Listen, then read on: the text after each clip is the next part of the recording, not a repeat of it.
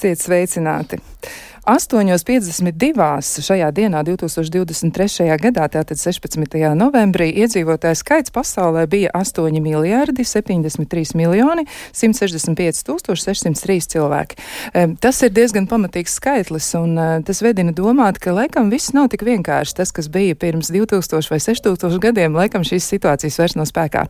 E, šodien mēs runāsim par to, kā dzīvot pašiem ar sevi, pieņemot, ka ne jau tikai iedzīvotāju skaita palielināšanās varētu mainīt sabiedrību. Tur ir ļoti daudz dažādu faktoru, ļoti daudz dažādu nosacījumu, kas mums liek satuvināties, kas mums liek domāt par to, kā pieņemt citu kultūru, citus uzskatus, citus cilvēkus un eh, arī vēl daudzas citas lietas. Par to šodien runāsim. Runāsim par dažādību, pētīsim, kas ir dažādības kompass un mēģināsim saprast, kā dažādība var vadīt, ko tas īsti nozīmē un kā mēs to varam integrēt dažādās dzīves jomās. Un, um, Pirms mēs eh, ķeramies pie darba, atgādināšu, ka pie skaņa pulta šodien, ja pareizāk sakot, pateikšu, ir Mārtiņš Paiglis, savukārt redzījuma producenta, kā Aliža ir Loreta Bērziņa. Un vēl pirms eh, es ķeros arī pie tāda sīkāka temata eh, izpētes kopā ar studijas viešņām, un tās ir studijā, tātad pie mums ir sociāla antropoloģijas doktora un dažādības vadības eksperta Agnes Cīmdiņa. Sveicināt! Sveicināti!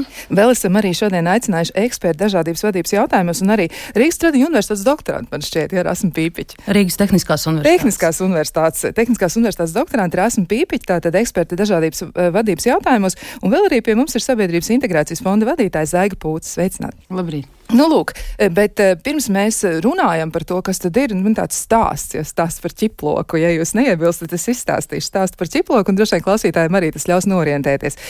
Kā vēsta sena teika, senos laikos bijuši dažādu krāsu un izmēru ķiploki, kuriem piemituši dažādas cilvēku spēcinošas īpašības. Viens nodrošinājis, ka cilvēks labi redz, cits nodrošinājis, ka cilvēks var raiti runāt, cits veicinājis labu roku un kāju veiklību, cits veicinājis smadzeņu darbību. Savukārt cits ķiploks palīdzēs, lai izdotos tirgošanās. Tomēr alķīmiķa prātiem līdztekus vēlmē dažādus metālus pārvērst zeltā bija izaicinājums izveidot formulu, kas ļautu visas cilvēkam labās un nepieciešamās zināšanas un prasmes apvienot vienā spēcīgā, noderīgā ķiplokā.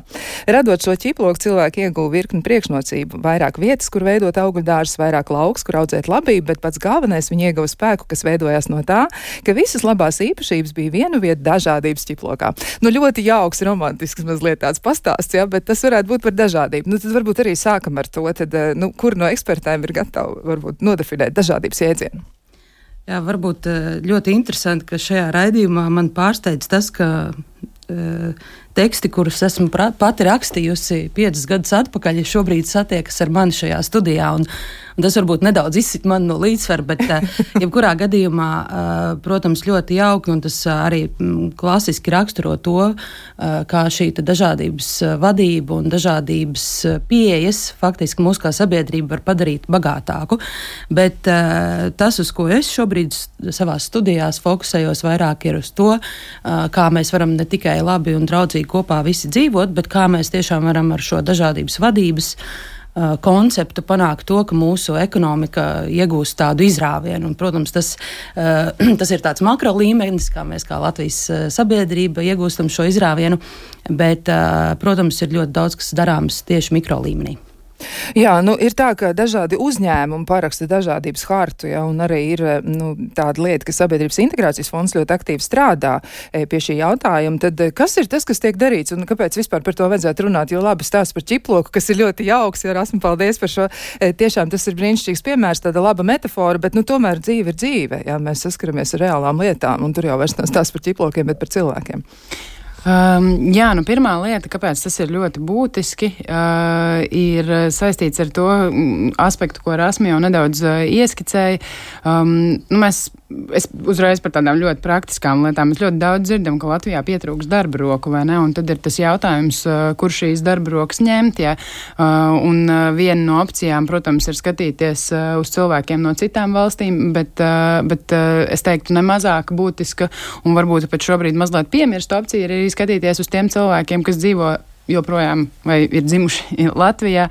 Bet uh, kaut kādu noteiktu vai nu sabiedrības aizspriedumu dēļ, vai kādu citu iemeslu dēļ, nu, viņiem nav izdevies tik uh, labi iekļauties uh, šajā darba tirgu. Tā būtu viena lieta, ko nu, dažādības vadības uh, aspektā mēs varam risināt.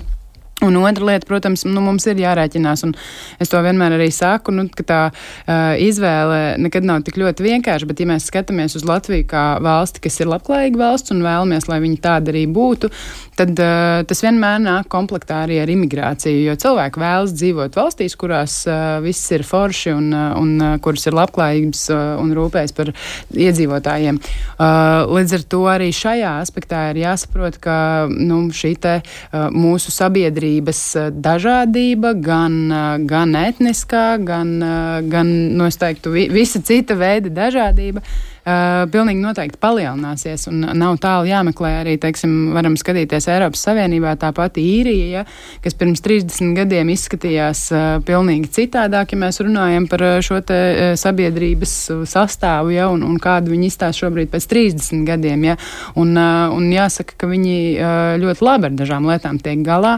Un uh, mūsu privilēģija šajā situācijā, es teiktu, ir tā, ka mēs varam skatīties uz tiem labākajiem piemēriem, apzinoties, ka visticamāk mums būs līdzīgi. Un, eh, nu, tā teikt, sākt jau ieviest noteiktas sistēmas, lai mēs eh, šos cilvēkus, gan tos, kas Latvijā dzīvo, dotu viņiem iespēju, gan arī uh, tiem cilvēkiem, uh, kuri potenciāli vēl varētu iebraukt, lai mēs viņus iekļautu. Un, uh, nu, pabeidzot ar to, ko Sabiedrības integrācijas fonds dara šajā jautājumā.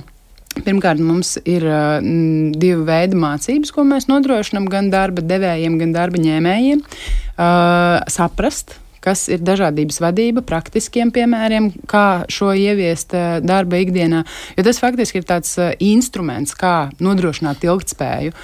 Un, uh, un, uh, jā, tad mēs arī esam, jūs jau pieminējāt, dažādības kompasu, uh, esam arī veikuši aptauju darba devējiem, piemēram, par viņu attieksmi, vai viņi uzskata, ka dažādības vadība ir būtiska. Ļoti liela daļa, 69% tiešām uzskata, ka ir būtiska, bet vienlaikus tikai retais vispār ir mēģinājis ieviest kaut ko tādu. Un tas, ko mēs redzam, kas ir arī ļoti būtiski, nu, kaut vai tie paši Ukraiņas civiliedzīvotāji, kas diezgan daudz pēdējā, pēdējo gadu gadu laikā nu, jau uh, ir uh, iebraukuši. Nu, uh, jā, mums ir ļoti daudz kas kopīgs, es teiktu, cieši daudz kopīgs, bet uh, tajā pašā laikā atkal ir kaut kādi aspekti, un darba devēji arī ir tie, kas pirmie ar viņiem, droši vien arī izglītības iestādes, pirmie, kas saskarās ar to, un kaut kādā brīdī apjūk. Un Sabiedrības integrācijas fonda uzdevums ir palīdzēt šiem cilvēkiem. Mēs arī esam izveidojuši tādu internetu platformu, kur visa informācija kas darbdevējiem varētu noderēt, būs pieejama vienu vietu. Tas ir tas, ko, ko arī norādīja darbdevēji, ka viņiem vajadzētu šādu atbalsta punktu, no kurienes vispār sākt. Un uh, mums ir arī izveidota šogad pirmā uh, dažādības vadības mentora programma, kur uh, pirmie 20 cilvēki jau ir tikko, tikko pabeiguši. Tie ir dažādu uzņēmumos strādājoši cilvēki, kas jau specifiski ar dažādības vadības jautājumiem un ilgspējas jautājumiem saskarās. Un, nu, tad viņiem bija iespēja ne tikai padziļināt tās zināšanas, bet arī izveidot konkrēti savam uzņēmumam jau tādu plānu, rīcības plānu, kas būs tas, ko viņi darīs. Tā kā tas ir tādas sākotnējās iestrādes, es teiktu, piliens jūrā droši vien pret to, kas ir eh, daudz, jā, cik daudz vēl ir eh, jādara, bet eh, nu, mēs skatāmies šajā virzienā un, un, un esam arī uzsākuši darbu pie dažādības vadības standarta ieviešanas, gan ISO standarts, kas ir šobrīd apstiprināts jau gan, gan mēs skatāmies, kādas būtu mūsu opcijas, kā valsts opcijas piedalīties arī Eiropas Savienība. Šobrīd ir arī uzsākusi Eiropas Savienības standarta izstrādi, un mēs labprāt piedalītos arī šī standarta izstrādē, lai tad Tad, kad mēs runājam par dažādības vadību valsts līmenī, lai mēs visi saprastu to vienādi, lai mums būtu viena kvalitātes latiņa, uz ko tiekties. Jā, Rasma. Jā, es domāju, ka zaiga vai vēl kaut kas paliek nepateikts. Vienkārši es domāju, kamēr mūsu gaišie prāti, matemātiķi un elektroniķi nebūs radījuši kādu robotu, eh, kurš eh, vada organizācijas un uzņēmumus, mums joprojām nāksies ar šiem jautājumiem saskarties un runāt. Un eh, varbūt izmantojot iespējas, arī gribēju pateikt, ka mums šajā procesā, ka mēs runājot par dažādību, ejam uz kaut ko vienotu, atceramies to, ka dažādība nevar būt nu, visiem vienota. Jo, jo es savos Eh, sākotnējos pētījumos eh, esmu jau secinājusi to, ka mēs varbūt pārlieku fokusējamies uz tām uh, redzamajām atšķirībām starp mums un uh, patiesībā, lai mēs varētu tādu ieguvumu ekonomikai dabūt, kas ir faktiski rezultāts. Rezultātam ir jābūt tam, ka mēs dzīvojam labākā, pārtikušākā, kvalitatīvākā valstī. Tad iespējams tie, tās, tās investīciju nozars būtu jābūt citur. Un, es domāju, ka visas šīs programmas ir brīnišķīgas un viņas tiešām ir nepieciešamas, bet mums ir vajadzīgs saprast arī to, to kas tieši un precīzi ietekmē uzņēmumu konkurētspēju un finanšu rādītājus. Jo, ja mēs apējam tādu apli un skatāmies tajā brīnišķīgajā apkopojumā, ko Sabiedrības integrācijas fonds ir veicis, tad uh, tie dati par sabiedrības izpratni par ekonomiku un slēpto ekonomiku, par to, kas patiesībā rada to labklājību, ir diezgan, um, nu, saka, graujoši. Ja? Gan par, par to, ka cilvēki ir gatavi dot ņemt kukuli, uh, viņi netic. Uh, viņi zina, ka tā kukuļu došana, ņemšana notiek. Un, un, un, un, un faktiski tas ir tas, kas mums traucē šo. Uh, Es gribētu tagad tā ielikt tādās kvotās, laimīgo kopā būšanu. jā, jā, nu tad eh, aiziet, eh, mums pievienojas Agnēs Cimdiņa arī ar savu mm. komentāru.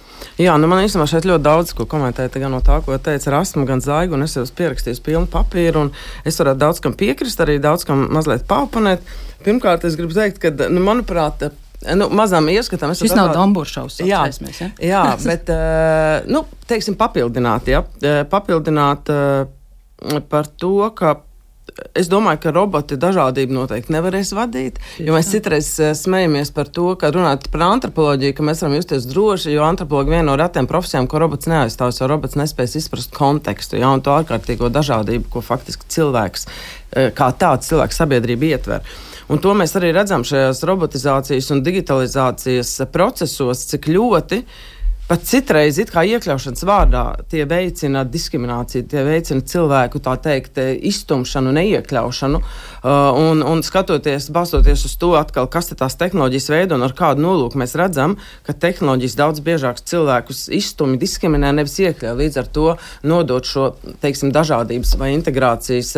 Uh, procesu, dažādības iekļaušanas, dažādības vadības vai sabiedrības integrācijas procesu vai, vai uzņēmuma darbinieku integrācijas procesu tehnoloģiju rokās uh, visticamāk neveicinātu iekļaujošāku sabiedrību. Tas, ko, uh, nu, es paraflektēju par to, bet otrs arī par šiem standartiem, ko minēja gan Zaiga, gan, gan arī tam pieskārās Rasma.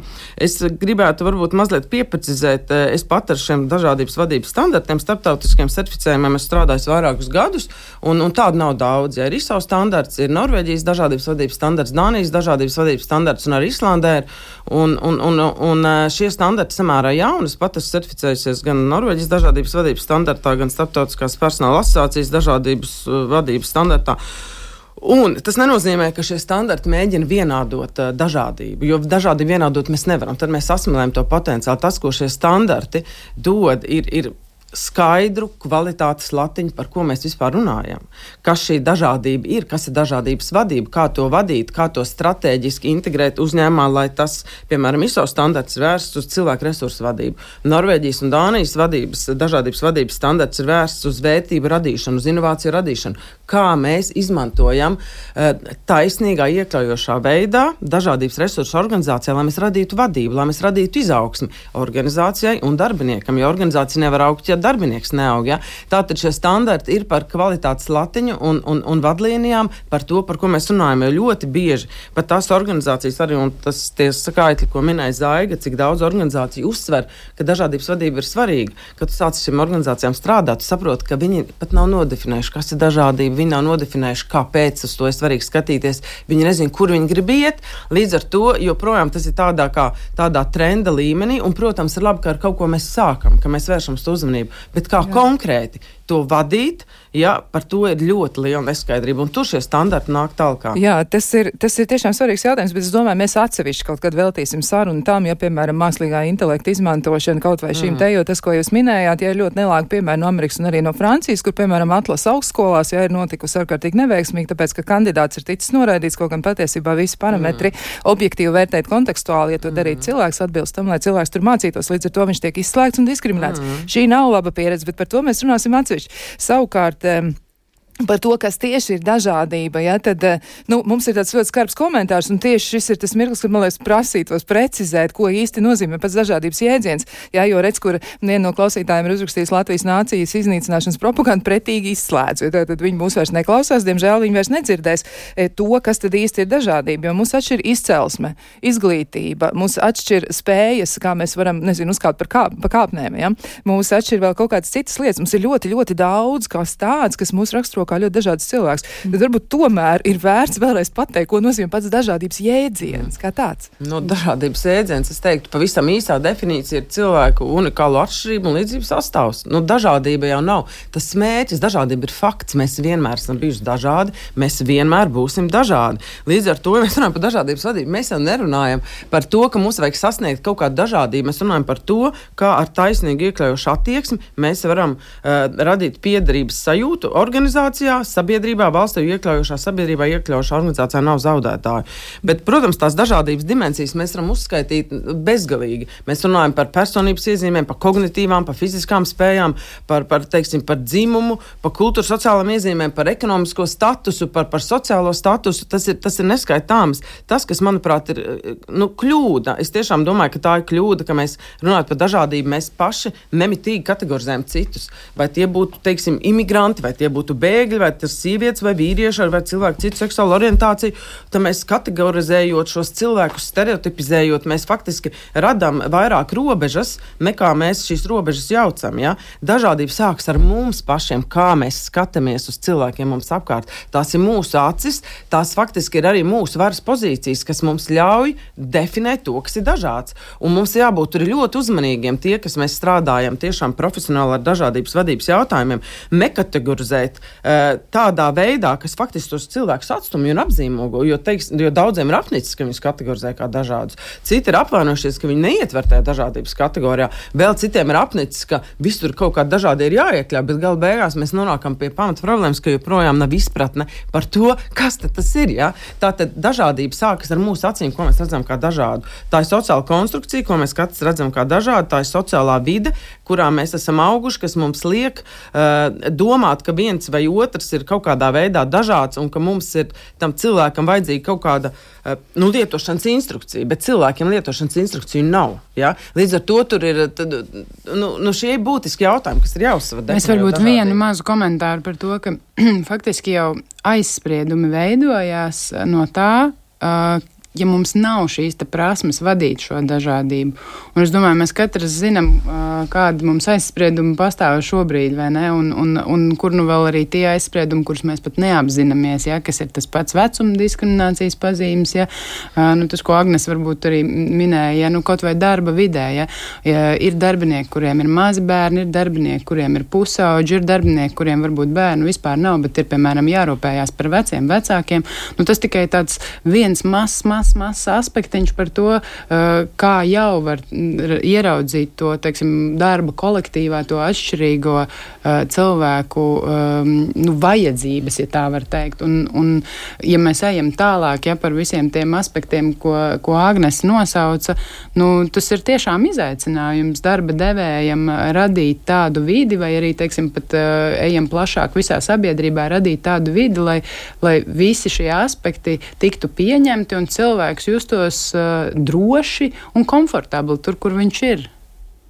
Jā, Erasmai arī bija kas piebilstams. Jā, es varbūt vēlētos iedot bišķi citu, lai mēs neturpinātu tādu uh, runāšanu pa virsmu.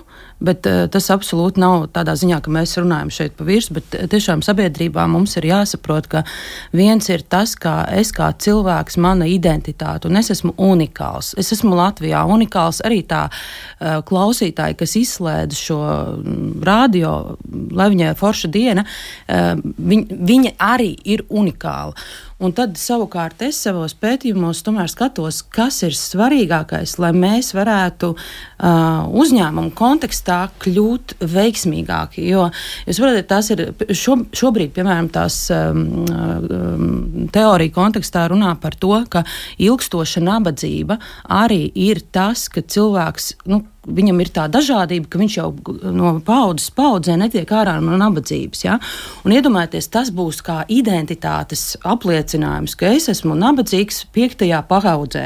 Jūs varat iedomāties šāda veida konstruktus nākot iekšā mūsu sabiedrībā. Mēs vienkārši mēs nespēsim to. Tāpēc es uzskatu savā doktora darbā ļoti svarīgi skatīties uz to, kā mēs varam atrast formulu, un, jā, un nevis tādu emocionālu, empātisku pieeju, bet tiešām formulu, kā mēs varam aprēķināt, kā mēs varam kļūt veiksmīgāk savā uzņēmējdarbībā. Un man liekas, ka ka nu, ir būtiski tas viens rādītājs, kas man vienkārši izsit no līdzsvara zāģa. 47% Latvijas iedzīvotāji uzskata, ka viņi nevar izteikties brīvi par politiku. Un, manuprāt, tas apliecina, cik tādā hierarhiskā varas varas, nu, spēcīgā varas ietekmē Latvijas sabiedrība dzīvo. Tas nozīmē, ka tu nevari brīvi pateikt, ko tu domā, bet inovācijas rodas tikai tādā vidē, kur varas vertikāli gandrīz neeksistē. Ne? Un, un, un tāpēc es domāju, tas ir viens no tādiem kritērijiem, bet uh, mums jāsāk pievērsties tam, kas mūs kā, kā lai saka, bagātina un kas mums dod to iespēju izrauties no tā nabadzības. Bet mēģinot tomēr atgriezties varbūt arī pie tā pamata fokus par dažādību, kā mēs to nu, realitātē redzam, varbūt izvēlamies kaut ko vienu, nu pieņemsim, atgriezīsimies pie uzņēmumiem. Nu, tas ir tāds ļoti labs, laba tāda matrica, kur pētīt, ja to, kas, jo, jo liela daļa cilvēku ir saistīti jā, ar algotu darbu, viņiem ir noteikts darba laiks, viņiem noteikts attiecības ar darba devēju, un tur parādās problēmas. Tad varbūt par šīm problēmām runājot, ja, nu, tad izdodas arī atspoguļot to, kas tad tieši tieši ir dažādības, nu, tas gan konteksts, gan arī tas dažādības jēdziens, kā to labāk saprast. Varbūt mēs varam arī nu, mazliet parunāt par to, kādas ir tās biežākās problēmas, par kurām cilvēki runā, ja, kā darba ņēmēji, piemēram, un arī kā darba devēji, ko viņi saka, kur tad ir problēma ar to dažādību. Jā. Es Nu, es varu papildināt no savas pieredzes. Arī esmu ilgstoši konsultējis dažādas uzņēmumus, un tagad vadot dažādības niekaušanas praksi. Prasa Votarovs Kūpers Latvija, protams, mēs ejam šajos jautājumos vēl dziļāk iekšā. Ja?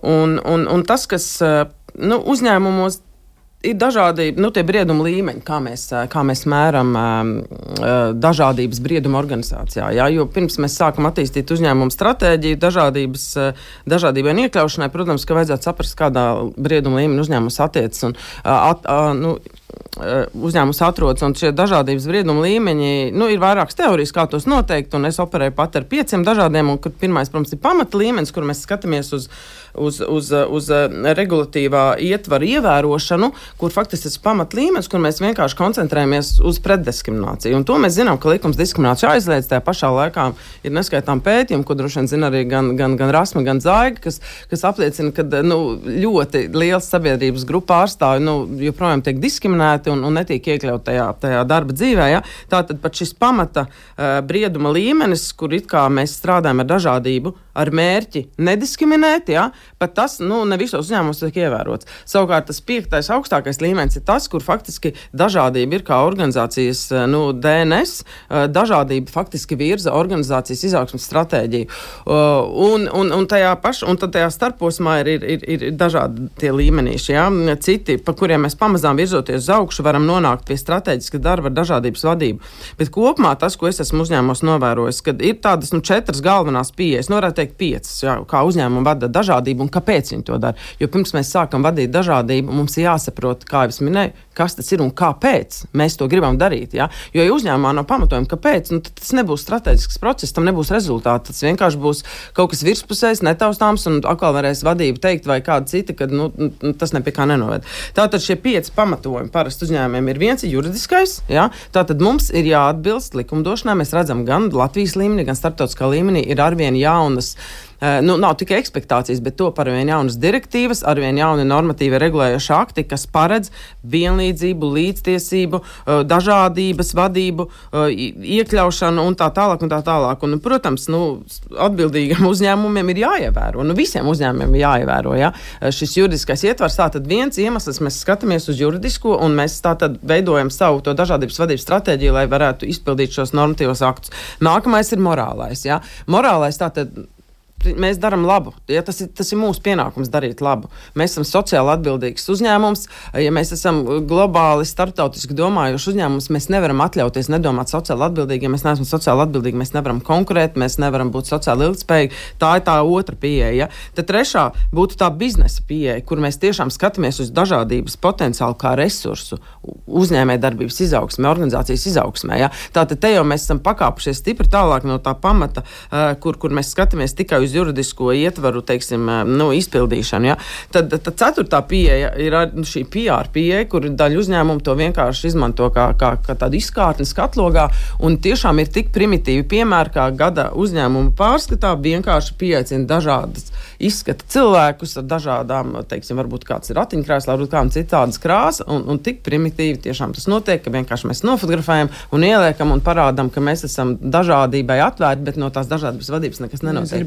Piekomentēt pie šī, es zinu, ka uh, no biedrības apērons, uh, nu, piedodiet par tādu sarkastisku piemēru, bet uh, viņi ir teikuši, ka dažreiz uzņēmums gribot uh, tieši apliecināt to, ko Agnes tikko stāsta pieņem darbā cilvēku ar invaliditāti, un, uh, un tas uh, viņa darbs ir principā būt cilvēkam ar invaliditāti. Mm. Ja, ka uzņēmējs pats īsti līdz galam tā arī nesaprot, ko viņš var uzticēt šam cilvēkam, kādi pienākumi, un, uh, un gala beigās tas nevis nu, palīdz gan šim cilvēkam, gan sabiedrībai kopumā, bet tieši otrādi vairo aizspriedumus, jo gan šis cilvēks pieņemtais nejūtās labi, gan pārējie kolēģi nesaprot, kādēļ viņš ir, kāpēc mums ir jādara kaut kas un viņam nav jādara jādara un tā tālāk. Un tas viss eh, faktiski veidojās no tā, ka, ka konkrētais uh, cilvēks, kurš ir pieņēmis šo te uh, cilvēku, ir viņu pieņēmis ar pilnīgi greizu un nepareizu mērķi, jo mērķis jau nav šī te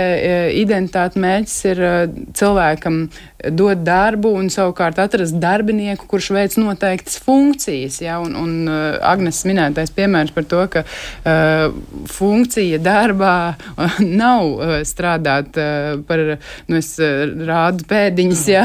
par, par dažādības uzturētāju. Ja? Tad, tad ir arī tas, ko Rasmus saka, nu tādā veidā pie labklājības līmeņa nenonāks, ja mēs vienkārši ņemsim cilvēkus ķeksīšu pēc. Jā, nu lai izskatītos smuki. Jā. Jā, gada beigās, gada nogalē publicējot uz Ziemassvētkiem kaut kādu kartiņas veidu bildīti. Nu, Rasmē vēl bija kas piebilstams. Jā, es, es, es tiešām vēlos atkal un atkal atgriezties pie tā, ka mums ar šo dažādības vadību un kombinācijā ar dažādām vadības teorijām uh, tomēr ir jāskatās, kā mēs varam ietekmēt ekonomiskos rādītājus. Es domāju, mēs gana ilgi esam runājuši uh, nu, kā sabiedrība uh, par šo iekļaušanu, un mums ir normatīvie regulējumi, standarti un tam līdzīgi. Tam līdzīgi. Um, es esmu um, patiešām ļoti priecīgi, ka es esmu iesaistījusies uh, uzņēmumā, kas saucās Azaron. Viņi ražo um, klaviatūras gameriem. Un tieši pateicoties tam, ka vadība ir uh, izprotoša par to, kas ir dažādības vadība, uh, šim uzņēmumam rodas iespējas ieiet citos sektoros. Uh, tātad uh, gameriem ir tādas uh, nepieciešamība spēlēt pēc iespējas ātrāk spēles, uh, bet eh, šīs klaviatūras arī var tikt izmantotas rehabilitācijā un veselības nozarē un cilvēkiem pēc insulta. Un, Un tas ir tas mans uh, tiešām lielais uh, nu, cerība priekš Latvijas, ka mēs šo dažādību, iekļaušanu un mēs varam vienkārši radīt ekonomiskos ieguvumus. Jā, nu par to mēs noteikti arī vēl parunāsim, jo klausītājiem arī ir savu komentāru tieši runājot par ekonomiku un tādu labklājības palielināšanos, bet šo visu mēs pētīsim pēc īsa brīža. Nu ir laiks nedaudz atvilkt telpu. Kā labāk dzīvot?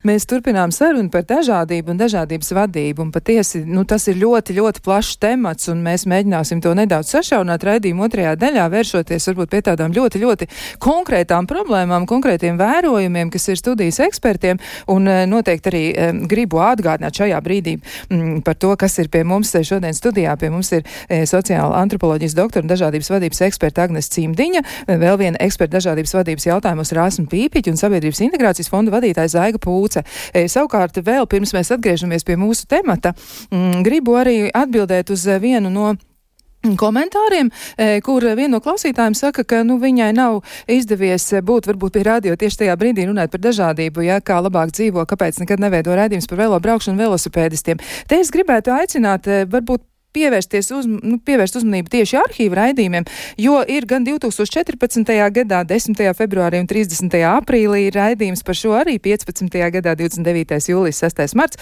Ja, nu, ejot uz priekšu, katru gadu ir bijuši raidījumi, un pēdējais raidījums, kas ir bijis par velo braukšanu, nu, relatīvi nesen ir 2023. gada 21. augusts. Kopumā man sanāk vairāk kā desmit raidījumi, kas ir veltīti tieši šim tematam. Varbūt eh, izmantojiet arhīvu iespēju, paskatieties eh, ar atslēgu vārdu velo braukšanu, jūs noteikti atradīsiet atradīsiet kaut ko par šo tematu vairāk. E, katrs eksperts droši vien izteiksies nu, kaut kādā savā veidā par šo problēmu, ja nu tur kāda problēma tiek analizēta, vai arī vienkārši ir kāds viedoklis. Tā kā droši par velo braukšanu velospēdistiem ir.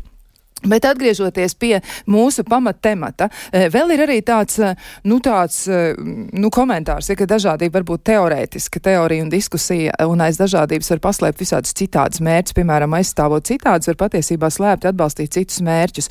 Šis ir tāds, nu, diezgan tāds, tāds būtisks komentārs, manuprāt, jo tas varētu arī nu, mūs vedināt domāt par to, kas tad tiešām ir tas, ja, ko mēs ar to darām, kā tā dažādības vadība mums palīdz. Un varbūt es tomēr varētu aicināt studijas viešņus konkretizēt, nu, kur tas konkrēti parādās? Nu, kāda grupa tieši, ja, vai, vai, vai cilvēki ar, ar kādu noteiktu problēmu? Nu, es varbūt uh, pirmais, ko es gribētu teikt par tiem aizslēptajiem mērķiem vai vēl kaut ko, uh, kas, uh, kas nu tiek, es nezinu, kas ir tas bubulis, ja, kas cilvēkus biedē šajā kontekstā, es gribētu teikt, ka, protams, ir daļa daļa cilvēku, kas aizraujās ar sazvērstības teorijām. Bet, eh, bet šajā kontekstā, ja mēs runājam par dažādības vadību kā, kā aspektu, kuru būtu jāievieš, vai nu, es, pat, es pat teiktu, pat nevis jāievieš, jāattīsta drīzāk, jo skaidrs, ka kaut kādā mērā jau mēs viņu realizējam tikai, tikai ļoti maz. Es teiktu, ka vairāk būtu jāstāsta uz to cilvēcības pusi, mazāk uz tiem uh, nodomiem, kas, kas nu tur tiek mēģināti saskatīt, bet, uh, bet vairāk tiešām uz to cilvēku cilvēcības pusi, jo, jo Agnes, manuprāt, iedeva ļoti labu definīciju par tiem cilvēkiem, bet, manuprāt, tas, ko mēs arī Sabiedrības integrācijas fondā saredzam, ka faktiski jau tā ir tāda Um, nu, es izmantošu līdzīgu metaforu, kā Agnēs teica, tāda acu atvēršana. Un acu atvēršana ne tikai attiecībā uz citiem, bet arī acu atvēršana uz sevi.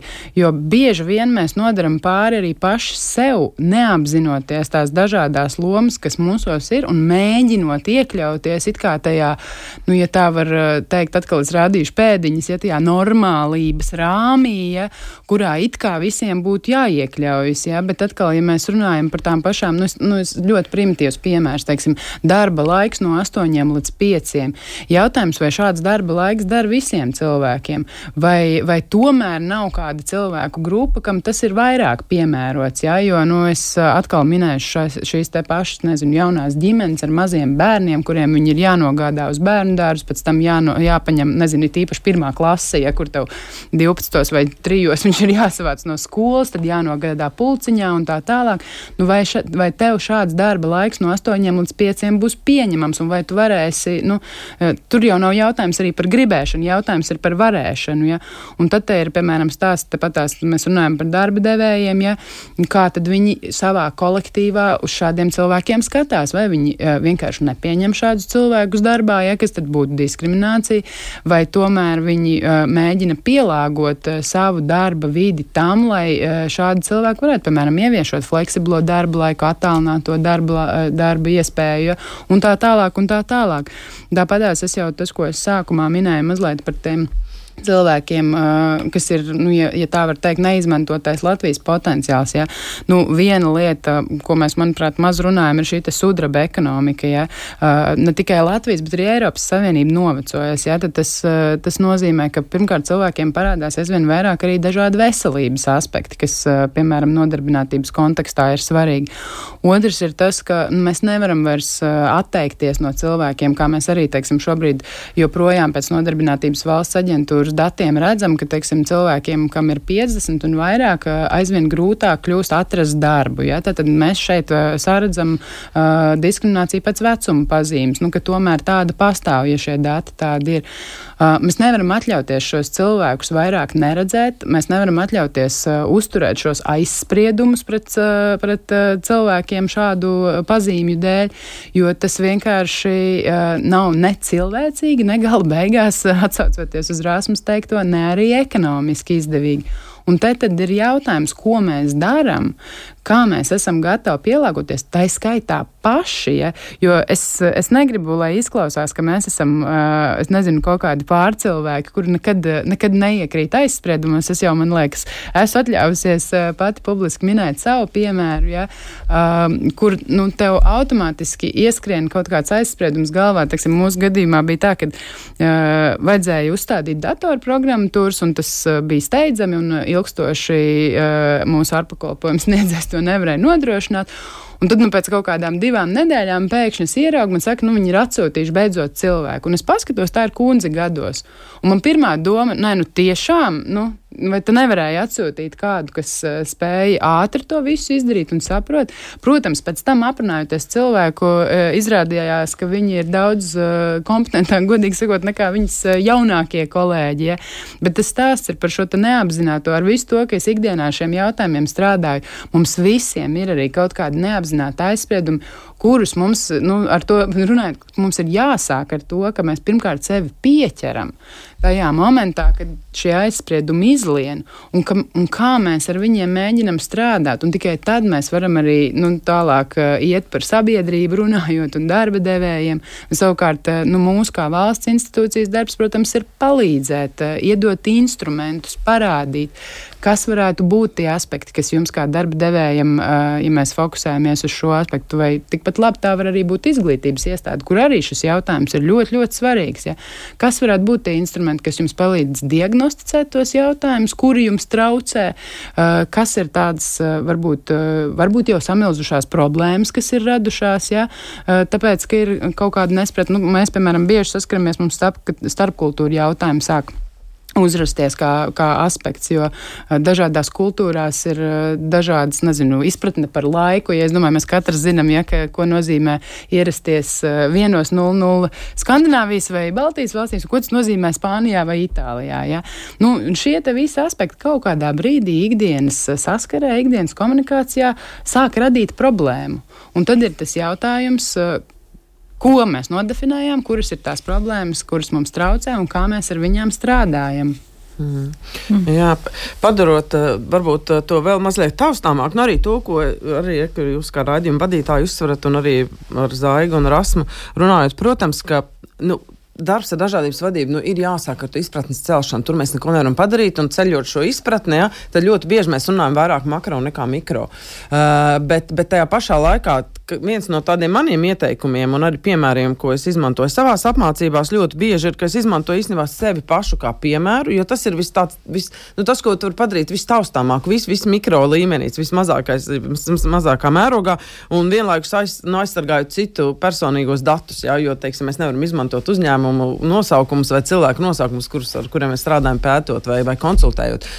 Un, un, un tad par šo kā izpaužās dažādības vadība uzņēmumā. Ja? Viens no tādiem maniem tipiskiem piemēriem ir, kad es vēl Norvēģijā strādāju, kad man pieņēma darbā uh, vienā institūtā, kur strādāja uh, šajā nodaļā, bija tikai ekonomisti, uh, tur bija tikai vīrieši un tur bija tikai norvēģi. Un mani pieņēma darbā tāpēc, ka viņi, viņi saprata, ka viņiem vajag kaut ko atšķirīgāku, un man tajā laikā es biju iegūst doktora grādu antropoloģijā, un es pētīju arī uzņēmumus, bet no antropologa skatījuma, ja? un es vēl plus es nebiju norvēģiete, un es arī nebiju vīrietis. Ja? Tā tad es biju faktiski trīs trīs dažādos, vismaz trīs dažādos veidos atšķirīgi. Pieņemot man darbā, lai iegūtu uh, kaut kādu citādību un atšķirīgu skatījumu, man faktiski nebija dota iespēja strādāt kā antropologam. Jo antropologs strādā ar pilnīgi citādām metodēm nekā ekonomisti. Pilnīgi, ja? Mēs neveicam statistikas pētījumus, mēs veicam lauka darbus, mēs veicam līdzīgu novērojumu, mēs neveicam, teiksim, anketu apkopojumus un, un nedod, neļaujot man strādāt kā antropologam. Ne jau viņi negribēja būt ļauni, bet viņi vienkārši nesaprata to pievienoto vērtību un to veidu, kā antropologs strādā, viņi visu laiku man mēģināja asimilēt. Ja? Un šo var izmantot arī kā metaforu, jebkurās citās situācijās, ka it kā jūs meklējat to atšķirīgo potenciālu. Ja? Tam obligāti nav jābūt imigrantam. Tas var būt, piemēram, kāds inženieris diplomātu vidū vai kāds, eh, vai, vai kāds teiksim, humanitāro zinātņu pārstāvis eh, teiksim, digitālo tehnoloģiju nu, veidošanā. Bet, ja mēs uzreiz mēģinam asimilēt un padarīt to, to, to, to, to atšķirību vai to dažādību par mūsu normas atspulgu, par to, ko mēs uzskatām par normalitāti, mēs jau neiegūstam tās dažādas dažādības potenciālu. Ja? Mēs viņu neatraisām. Mēs atkal tas mums paliek kā tādam ķeksim, o, mums ir viena sieviete, mums ir viena imigranta, viss vienā jē. Mēs esam izpildījuši savu darbu. Bet pēc matemātiskiem principiem mēs nevaram aprēķināt to dažādības uh, potenciālu, kas mums ir organizācijā. Ja, tas, ka mēs tur ieķeksējam. Un pat tiem velosipēdistiem es vienkārši, par cik jūs minējāt, es domāju, varbūt arī kaut kas mums par velosipēdistiem jāpasaka. Un to es drīzāk ieteiktu izmantot arī kā savu veidu metaforu, kur mēs izmantojam dažādības vadību. Cilvēki nav vienādi, mēs esam ļoti dažādi. Cilvēkiem vajag dažādus velosipēdus. Lai mēs saprastu, kā izveidot velosipēdu cilvēkam, kas ir braukt, kuram varbūt ir tikai viena kāja vai viena roka, vai kuram ir vāja redze, vai kuram ir dzirdes traucējumi, vai kurš ir smagāks vai vieglāks, mums vajag dažādību šo tehnoloģiju veidotāju starpā.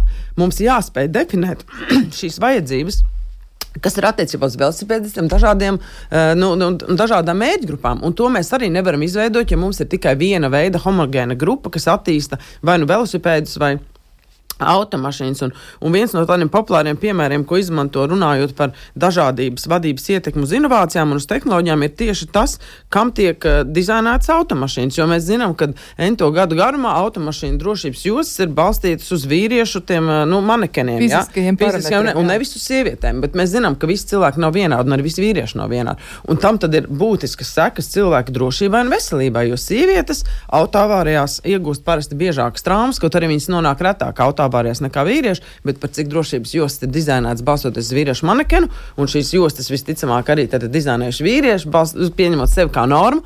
Nu, tā ir tikai tas ir viens taustāms, it kā elementārs piemērs, lai mēs saprastu, kāpēc ir vajadzīga arī šī dažādība starp tiem, kas veido un attīsta tehnoloģiju. Jā, un tas ir arī par ekonomiku runājot lielā mērogā. Tiešām tā tas mm. ir. Tas ir ļoti labs piemērs. Paldies par šo! Jā, es domāju, ka mēs atkal un atkal nonākam līdz tiem demogrāfiskiem rādītājiem, bet varbūt es izmantošu iespēju un, un teikšu, ka vadības līmenī tomēr ļoti nozīmīgi ir tieši uh, pieredze vadītājiem. Tātad tas arī varētu iekļaut šo izpratni, ko es, es saprotu, ar ko es strādāju, kā es ražoju, kā es rādu šos produktus, kā es sniedzu pakalpojumus, izglītība. Uh, tas noteikti arī ir viens no elementiem, ja tu, ja tu ja tev nav attiecīgās izglītības, varbūt tajā nozarē, vai vispār, ka tu neuzskati, ka tev ir vajadzīga izglītība, ka tu vadi cilvēkus, tad tev arī ir ļoti grūti saprast to, kur to vari uh, izdarīt. Trešais - vērtības. Tā, tad, tā, tā izpratne, es slēpju savus ienākumus vai neslēpju savus ienākumus, parādu valstī, kas ir nu, saka, tie mani patiesie ienākumi un, un veids, kā es pieņemu lēmumus. Un, manuprāt, šeit tiešām no vadītājiem ir ļoti daudz kas atkarīgs visās institūcijās, ne tikai uzņēmumos, valsts institūcijās, pašvaldības institūcijās. Kā tad es pieņemu tos lēmumus, kā, kā es iekļauju tos cilvēkus, kuri ir manā redzes laukā un, un tam līdzīgi. Un tāpēc, manuprāt, mums ir jāspēr solis tālāk arī Latvijas, nu, Latvijas sabiedrībai, lai skatītos šiem parametriem, ko patiesībā var tiešām mērīt. Jā, es varbūt vienu piemēru par parametriem runājot, teiksim, nu, arī klasiski cilvēki ar invaliditāti par potenciālu. Tad uh, Latvijā mēs izmantojam, man jāpaskatās precīzi dati, bet, uh, manuprāt, 20, uh, jā, 27% aptuveni no cilvēkiem ar invaliditāti Latvijā tiek nodarbināti. Um, nu, tas ir daudz vai maz grūti tā pateikt, vai ne? Bet, ja mēs skatāmies, ka Zviedrijā no šādiem cilvēkiem tiek nodarbināti 71 cilvēks, un es šeit nerunāju, tas nav par, par kaut kādu specifiski mākslīgi izveidotu nodarbinātību, kā mēs te iepriekš minējām. Jā, tas ir par iekļaušanu. Jā. Tas ir par iekļaušanu, un tas ir, jā, tas ir tas, ko es gribu parādīt, cik liels potenciāls mums tikai šajā vienā aspektā vēl ir, ja mēs uh, abstrahējamies no saviem aizspriedumiem un, uh, un piedodiet, es atļaušos teikt, arī nedomājam šo cilvēku vietā, bet dodam viņiem iespēju. Un nefokusējamies uz jo, citu nīšanu, jā. bet fokusējamies uz to, kur mēs iedot šo. Jo tā doma ir tāda, vai ne, ka, nu, teiksim, klasika, ja tur tu domā, man vajag, nezinu, datu ievedes speciālistu, ja, kas ir darbs pie datora, un tev atsūta uh, eh, CV cilvēks, kurš ir vajadzīgs, un tu viņa vietā izdomā, nē, viņš jau nevarēs, jo nu, viņš taču neredzēs, ko viņš var darīt. Tas nekas, ka mūsdienās jau ir uh, tehnoloģijas, kas nemaz, nemaksā nekādu uh, lielo naudu,